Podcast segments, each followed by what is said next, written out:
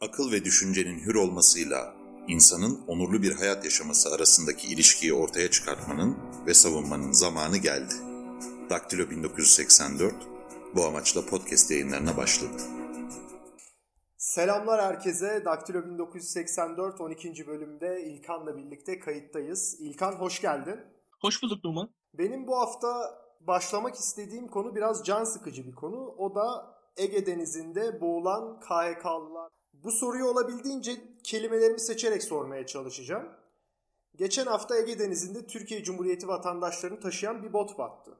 İçlerinde akademisyenlerin de olduğu bu botta 7 kişi hayatını kaybetti ve bunlardan 5'i çocuk. Bu 5 kişiden biri ise bebek.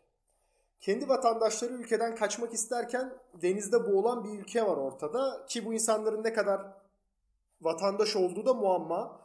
Çünkü ne bir çalışma hakları var, ne pasaportları var, ne sosyal güvenceleri var. Burada birkaç soruyu birleştirerek sormak istiyorum. Türkiye'de hukuk sisteminin sorunları bu yeni yargı paketiyle birlikte çözülebilir mi? Ee, çok geniş bir soru sordun aslında. Ee, gerçek anlamda bizim e, hukuk meselesi üzerine düşünmemiz gerekiyor Türkiye'deki hukuk meselesi üzerine. Ben bu soru soruyu baştan düşünüyorum senin bana sorduğun soruyu. Gerçekten de Türkiye mesela e, ceza kavramı üzerine düşünmeli. Yani bir suç işledi diyelim bu insanlar. Cezası ne olmalı? Mesela suç şahsi. Anlatabiliyor muyum? Yani o, o suçun şahsiliğini veyahut da cezanın e, cezayla sınırlı oluşunu. Yani e, toptan insanı yok etmeyen ancak bir şekilde cezanın da anlamı bir şekilde ıslah etmek, bir şekilde insanların yani genelde modern ceza hukukunda cezanın anlamı ıslah etmektir suçluyu ama ister istemez de e, insan e, doğası gereği bir e, yani mütekabiliyet de aranır. Suçla bir o, ilişki de aranır sonuçta. Hani suçun karşılığı olmasını da ister insanlar. Tamam. Ancak burada öyle bir şey var ki e, bir Kafkaesk durum yaşanıyor Türkiye'de bence. E, ne ceza belli, ne suç belli. E, bir bir arayış durum var. Yoksa e, benim gördüğüm kadarıyla hani insanlara gerçekten de 5 yıl ceza, 10 yıl işte ceza neyse verilse e, dünyada ilk ve tek hapse giren insanlar bunlar olmayacaklar e, ve bu kadar da bir trajedi yaşanmayacaktı diye düşünüyorum. Ancak yaşanan aslında Kafkaesk durumu yani ne ceza belli, ne suç belli, ne cezanın kapsamı belli. Sonuçta insanlar e, özel sektörde de çalışamıyorlar. Yakınları da çalışamıyor. Bazıları e, atıyorum kendi özel işlerini kurmaya çalışıyorlar. O işler baltalanıyor. Yani bunun öyle bir durum var ki e, gerçek anlamda mesela devlet atıyor, devletin atmasından ibaret değil olay. Başka bir işe giremiyor. Başka bir organizasyon içerisinde dahil olamıyor ve e, çıkış bırakılmıyor insanlara aslında. Yani meselenin e, sıkıntısı bu insanların suçlu olmasından ziyade bu insanların çıkışsız olması. Yoksa suçlu Türkiye'de suçlu çok açıkçası. Yani çok suçlu var. Bu suçlulara belli sayıda insan daha eklenir. E, bunlar suçlu olarak. Çünkü ülkede suçlu insanlar vardır. Bu ülke yani ülkenin vatandaşlarının belli bir oranda kısmı suçludur. Bu e, bu modernitenin içerisinde olan modern ülkelerde hep böyledir.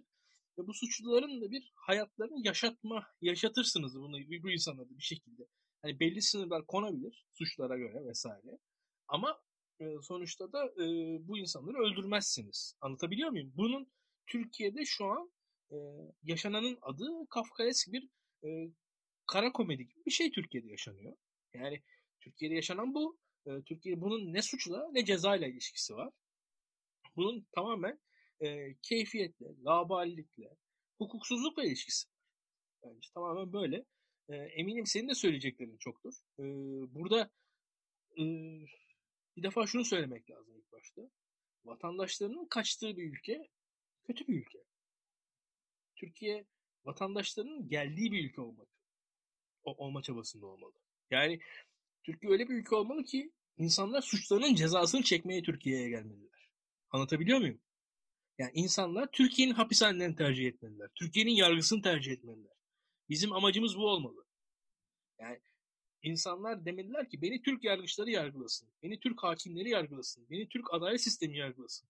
Beni, ben Türk cezaevinde yatayım Amerikan cezaevinde yatmaktansa desinler. Amacımız, hedefimiz bu olmalı diye düşünüyorum. Ee, tabii ki şöyle bir durum var. İnsanların gittiği değil geldiği bir ülke olmak isteriz. Yani insanların orada yaşamak istedikleri bir yer olması gerekir Türkiye'nin. Amacımızın bu olması gerekir diye düşünüyorum. Öyle bir şey ki özellikle KYK'lılar açısından dava yani suç davası hakkında açılmış insanlar bir nebze anlaşı yani o konuda devleti bir nebze anlayabiliyorum. Ancak bu KHK'lılarda haklarında bir dava yok. Bu insanlar soruşturma ve kendilerini savunmaya izin verilmeden mesleklerinden atıldılar. Herhangi bir işte çalışmalarına izin verilmiyor. Pasaportları verilmiyor yurt dışına çıkmaları için. Yani bu insanlara çolukları var, çocukları var kimisinin. Öyle bir şeyi göze alıyorlar ki kendi ülkesinden yanında 5 yaşında 5 aylık çocuğunu alıp bir bota atlayıp Ege Denizi'ni geçmeye çalışıyorlar. Yani bu psikoloji bence farklı bir şey ve kırılması da çok zor olan bir şey. Ee, özellikle Türkiye toplumunun buna verdiği tepkisizlik açısından ki şöyle yaklaşık bir sene önce de yine aynı olay yaşanmıştı. O zaman yanlış hatırlamıyorsam Bursa valisi karaya vuran botlarda ölen insanlara cenaze aracı tahsil etmedi FETÖ'cüler diye ve bunlardan yine iki tanesi bebekti. Yani Türkiye Cumhuriyeti FETÖ'cü bebek kavramıyla tanıştı. Ya dahası ben şey var. E, hainler mezarlığı meselesini hatırlıyorsun diye tahmin ediyorum. Tabii ki hatırlıyorum. Tabii ki hatırlıyorum. E, hainler mezarlığı meselesini önümüze çıkartan kişi sonra yine cemaatle ilişkisinden dolayı görevinden alındı. Aynen evet. öyle. Kadir Topbaş. Evet. Yani e, komik bir durum. Türkiye'de artık komik de değil aslında yani. Hakikaten rezil bir durum Türkiye'de yaşanıyor. Yani insanlara somut suçlar, somut cezalar verirsiniz. Şu an sadece açık konuşayım. Şu yaklaşım e, hukuksuzluğun, devletin sopasıyla insanlara vurma keyfinin adı. Başka bir şey değil bu. Yani gerçekten değil bu. Somut bir şey sorarsınız, insanların önüne koyarsınız. İşte şu suç, şu ceza falan derseniz o zaman anlarız. Bunun hiçbir anlamı yok. Ha şöyle total olarak cemaatle ilişki üzerinden bunlara ceza verdik diyorlarsa e, öyle bir durum var ki öyle ilişkiden dolayı ceza almayan insanlar var ki o da hiç inandırıcı gelmiyor insanlara. Yani bugün e, hepimizin avukat arkadaşları var. Yani e, CMK üzerinden e, bu davalara dair davalara giren arkadaşlarım oluyor benim. Çok kendi istekleri olmasa bile. E, oradan ne tahliyeler görüyorlar ne yani cezalama anlatabiliyor öyle kararlar görüyorlar ki hiçbir tutarlılıkları yok. Yani yakın arkadaşım bir davaya baktı. Ya dedi bu nasıl bir şey? Ee, kesin kaybederim diye girdi. Kazandı davayı. Anlatabiliyor muyum bir avukat?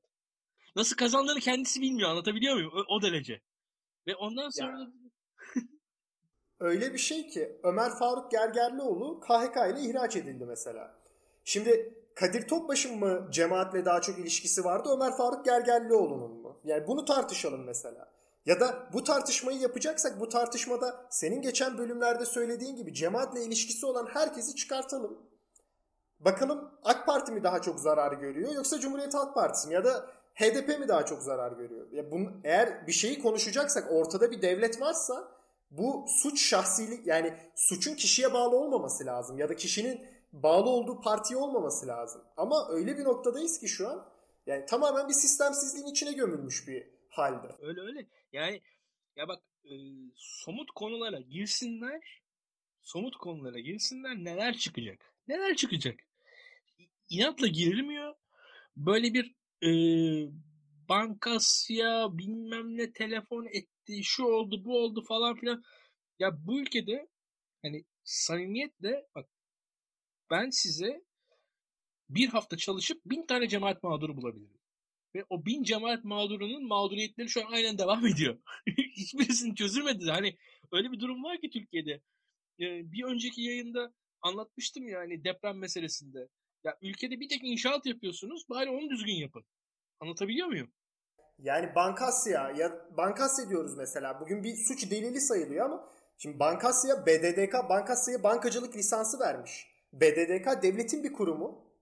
Devletin bir kurumu demiş ki bu banka benim sınırlarım içerisinde Türkiye'de bankacılık sisteminde bankacılık faaliyeti gösterebilir. Sonra siz bu insanlar buraya para yatırdı diye bunu suç olarak sayıyorsunuz. Yani bu kabul edilebilir bir şey değil. Modern hukuk açısından kabul edilebilir bir şey değil. Dahası da var. Fettah Taminci o da yatırdı bankasıya ama e, sayın e, yargımız şöyle karar verdi. Fettah Taminci çok zengin olduğu için buraya para yatırması normaldir dedi. şimdi bu yaklaşımın sonucunda artık hani hiçbir e, kim neye göre suçlu o zaman? Bu yargımızın kararı bu yani. Ya kesinlikle bir öngörülebilirlik sağlamıyor ve artık üstüne konuşulacak gerçekten çok fazla şey var ama insan yani biraz da konuşmanın fayda etmediğini bildiğimiz yerlerdeyiz. O yüzden ben bu sistemsizliğin ve beceriksizliğin gün yüzüne çıktığı başka bir noktaya değinmek istiyorum. O da 50 artı 1 tartışmaları. Eski Bakan Faruk Çelik bununla ilgili bir beyanda bulundu. E, dedi ki 40 artı 1 alan seçilmiş sayılsın. Yani buradaki matematik herhalde şöyle işliyor. İki aday da 40 artı 1'in üstünde alırsa yüksek olan seçilmiş olsun gibi bir açıklamada bulunuldu herhalde. Yani öyle yaptıklarını tahmin ediyorum. Tayyip Erdoğan'ın bu değişikliği de pek tasvip etmediği ortada. En son meclise gel, mecliste görüşülür bu ama işte tekrar millete sormak çok iyi milletimizi yormaktır gibi bir açıklamada bulundu. Türkiye yönetilemiyor. Türkiye savruluyor. Bunu sürekli tekrar ediyoruz ama sen bu konuda bir sistem değişikliği öngörüyor musun yakın vadede? Özellikle birkaç açıklama arka arkaya oldu. Parlamenter sisteme geri dönmeliyiz açıklaması üstüne bu AK Parti oy kaybetmeye başladıkça sistemi kazanabileceği şekilde evriltmeye çalışıyor. Fakat nihayetinde bu da bir çocuk oyuncağı değil. Amerika en son anayasa değişikliğini 1950'de yaptı yanlış bilmiyorsam. Doğru. Ee, şöyle söyleyeyim ben Numan. Türkiye'de bir sistem değişikliği yakın vadede ben öngörmüyorum. Çünkü Türkiye'de bir sistem değişikliği için ilk başta Sayın Cumhurbaşkanımızın onayı gerekiyor. Ben Sayın Cumhurbaşkanımızın sistem değişikliğine onay vereceğini düşünmüyorum. Bu aşamada niye peki sistem değişikliği konuşuyoruz? Biraz uzun olacak ama şöyle açıklayayım. AK Parti'nin kuruluşundaki temel motivasyon aslında Fazilet Partisi ve sonrasında kurulacak Saadet Partisi çizgisinin siyaseten başarısız olacağının öngörülmesiydi. Ve şu anda da AK Parti içerisinde bir grup insan daha daha ziyade daha geniş çerçevede muhafazakar kesimde bir grup insan şu an düşünüyor. Erbakan gibi Tayyip Erdoğan da mı artık siyaseten başarısız hale gelmiş durumda? Yani yenilen bir Tayyip Erdoğan'a yenildiği sırada destek vermek istemiyor Türkiye'deki muhafazakar kitle açıkçası. Yani bir yenik e, siyasal hareketin parçası olmak istemiyorlar. Ve bunun içinde harekete geçmiş durumdalar. Bunun e, etkilerini, bunun e, en azından su yüzüne kalan kısmını görüyoruz biz. Faruk Çelik'in açıklaması da. Faruk Çelik de siyasal İslam kökenli. E, zaten e, kendi memleketi itibariyle falan AK Parti'nin en e, merkezinden gelen bir isim. Ve Faruk Çelik'in itirazı da, Faruk Çelik'in daha doğrusu bu söylemi de aman ha iktidarda kalalım söylemidir. Çok basitçe söylemek gerekirse. Burada %40 meselesini ben çok ciddiye almıyorum. Yani bunun pek makul olduğunu da düşünmüyorum. Uygulanabilir olduğunu da pek düşünmüyorum. E, bu %40'tan ziyade e, Faruk Çelik'in arkasında daha daha geniş bir kitlenin e, biz yarın bir gün e, %50 artı biri bulamaz. Eğer sistemi e, yenilirsek e, ve hani muhtemel bir atıyorum Ekrem İmamoğlu Cumhurbaşkanlığında çok şey kaybederiz diye düşünen şu anda da e, iktidardan tam anlamıyla nemalanamıyoruz zaten diye hafiften kaygılanan geniş dindar muhafazakar siyasal kitle şu anda bunu tartışıyor kendi içerisinde. Tayyip Erdoğan'dan bağımsız olarak. Parlamenter sistemi tartışıyor daha doğrusu. Bunun şu an gözüken kısmı %40 artı bir. Çünkü parlamenter sisteme dönüş olursa e, AK Parti diyelim %35'ler civarında oy alsa ne olursa olsun Türk siyasetinde çok güçlü bir figür olarak kalmaya devam edecek. Ancak %35'ler civarında olan AK Parti muhalefette olsa bile yıkılmayacak, yenilmeyecek dindar kitleler kendilerini güçlü bir şekilde siyasetin içerisinde görmeye devam edecekler. Muhtemel koalisyon ortağı olarak vesaire. Ancak şu anki mevcut sistemde AK Parti e, yenilirse, Tayyip Erdoğan yenilirse dindar muhafazakar geniş kitlelerin iktidardan yüzde yüz dışlanması ihtimali var. Bundan korkuyor bu kitle. Ve bu korkunun yansıması bu. Ancak Tayyip Erdoğan da e, siyaseti bilen bir insan e, bu tarz dönüşümlerin halkta güçsüzlük olarak algılanacağını düşünüyor ve haklı olarak düşünüyor bence ve bu tarz dönüşümlere mesafeli, bu tarz dönüşüm taleplerine şu an için e, uzak duruyor. Tayyip Erdoğan bu tarz dönüşüm taleplerine bence ağır bir yenilgiden emin olduğu zaman ancak e, yaklaşabilir, onaylayabilir bu tarz dönüşüm taleplerini diye düşünüyorum. Kendi adıma onaylamaz diye düşünüyorum. Ali Babacan ve Saadet Partisi Genel Başkanı Temel Karamollaoğlu arasında bir görüşme gerçekleşti. Bu görüşmede yeni sisteme ve yeni kurulacak partiye dair e, meselelerin ele alındığı söylendi. Sen Ali Babacan'ın kuracağı partiyle Saadet Partisi'nin olası bir ittifakını görüyor musun? Ya da bu ittifaka İyi Parti'nin de dahil olabileceğini düşünüyor musun? Özellikle e, Yavuz Karaalioğlu'nun yaptığı ilkeler ittifakımız, ilkeler çerçevesinde ittifakımız sonlandı açıklamasından sonra. Ben bu konuda biraz e, kafasında kalıpları olan birisiyim. E, şöyle söyleyeyim yani Ali Babacan ile e, Saadet Partisi arasında ilişkinin başlıyor olması bir defa şu. E, Sayın Ali Babacan ilk defa siyasal temas yapmaya başladı. Yani bunu da kendisi adına en e, ona az zarar verecek yerden başlattı diye düşünüyorum. Bir defa bu. Yani Saadet Partisi'ne gitmesi ilk gidilmesi yani biraz şey gibidir. Türkiye'de seçilmiş cumhurbaşkanlarının ilk e, dış gezileri Kuzey Kıbrıs olur. Anlatabiliyor muyum? Yani arkasından Azerbaycan'a giderler. Yani evet. Seçilen bir cumhurbaşkanı Türkiye'de hadi bakalım Rusya'ya gidiyoruz, hadi bakalım Almanya'ya gidiyoruz, hadi bakalım İngiltere'ye, Amerika'ya gidiyoruz demez. İlk Lefkoşa'ya gider. Bu biraz şeydir, hani e, ritüel gibi bir şeydir devletler açısından. E, mesela Amerika'da bu e, şöyledir. Amerikan devleti devlet başkanının e, siyasal tercihini gösterir. Obama ilk Kahire'ye gitmiş, gitmiştir mesela. Arap dünyasına. Anlatabiliyor muyum? Biraz bir o devletin tercihini gösterir. Trump İsrail'e gitmişti galiba. Yani e, biraz e, Türkiye'de ise böyle bir ritüel vardır. E, Saadet Partisi'ne yapılan ziyaret açıkçası bir sonraki ziyaretler e, muhtemelen daha alengirli partilere yapılacak. O alengirli partilere yapılacak ziyaretler öncesinde nispeten daha az zarar verecek, daha az kişiyi ürkütecek bir ziyarettir diye düşünüyorum ben. Yani biraz bu ilk aşamadır. Hani daha öncesinde şey demiştim ya ben. E, lider eşleri görüştüğü zaman bunun liderlerin görüşmesinden önceki bir yumuşak deneme olduğunu söylemiştim. Saadet Partisi görüşmesi de Sayın Ali Babacan'ın muhtemelen daha sonraki görüşmelerin öncesinde bir yumuşak gösteri, ilk e, hafif giriş olduğunu düşünüyorum ilk başta. İyi Parti konusuna gelirsek, e, şu aşamada İyi Parti ile e, Babacan hareketi arasında ne yazık ki bazı çelişkiler var. Bu çelişkilerin ilk başlıcası e, Sayın e, Cumhurbaşkanı Abdullah Gül ile Meral Akşener arasındaki adaylık meselesiydi. E, Abdullah Gül'ün e, Türkiye'nin bir önceki Cumhurbaşkanlığına adaylığı konuşuluyordu ve Abdullah Gül'ün adaylığı için e, ortak adaylık e, gibi bir e, zemin yoklanmıştı. Muhtemelen Sayın Kemal Kılıçdaroğlu ve HDP kitlesi Abdullah Gül'e onay verdiler. İyi Parti ise onay vermedi ve Sayın Akşener orada adaylığını ortaya koydu. Akşener'in adaylığı üzerine baba, e, Sayın Gül'ün adaylığı e, gündemden kalktı ki Gül'ün adaylığının şöyle bir şey vardı. Gül'ün adaylığının ilk turu geçmesi için e, zaten bir şeye ihtiyacı vardı. Yani e, rakip aday olmaması gerekiyor. Tayyip Erdoğan karşısında ilk turu, yani ikinci tura kalabilen bir aday olması gerekiyordu falan filan. Oradaki meseleler biraz ondan kaynaklanıyordu.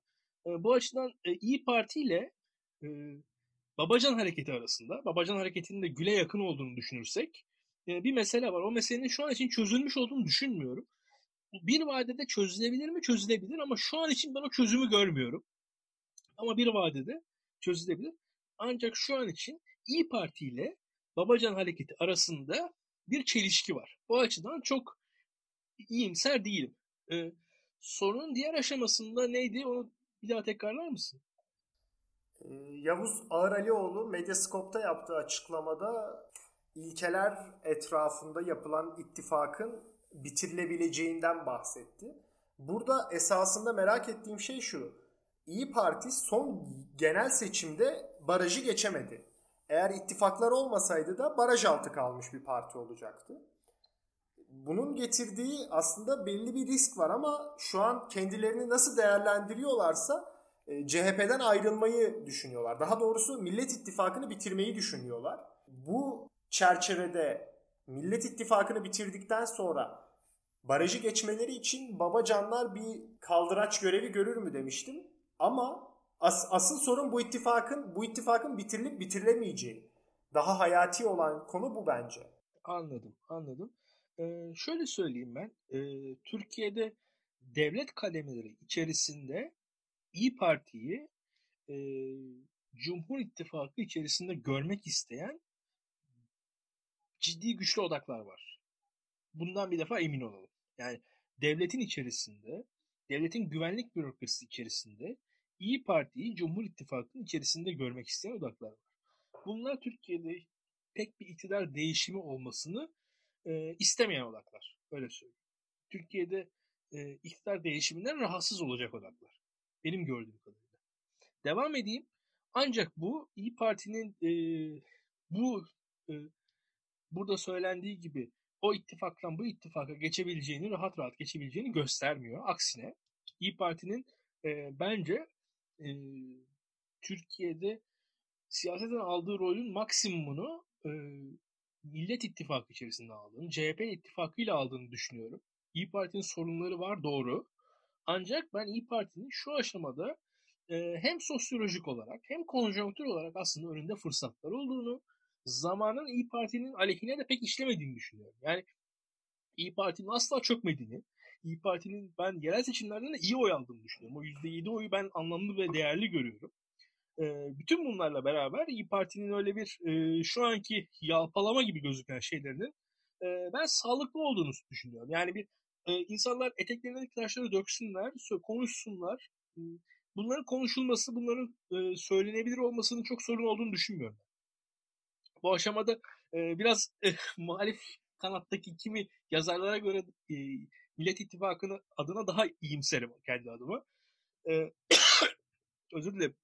Bu meselelerin e, açıktan konuşulması e, ittifakı daha sağlıklı hale getirebilir bence. İlkan bu bölümün de sonuna geldik. 12. bölümümüzü bitirdik. Katkıların için çok teşekkür ediyorum. Ben teşekkür ederim Numan. Bizi desteklemek isterseniz Patreon hesabımızı açıklamada bulabilirsiniz. Gelecek bölümlerde görüşmek üzere. Hoşçakalın. Hoşçakalın.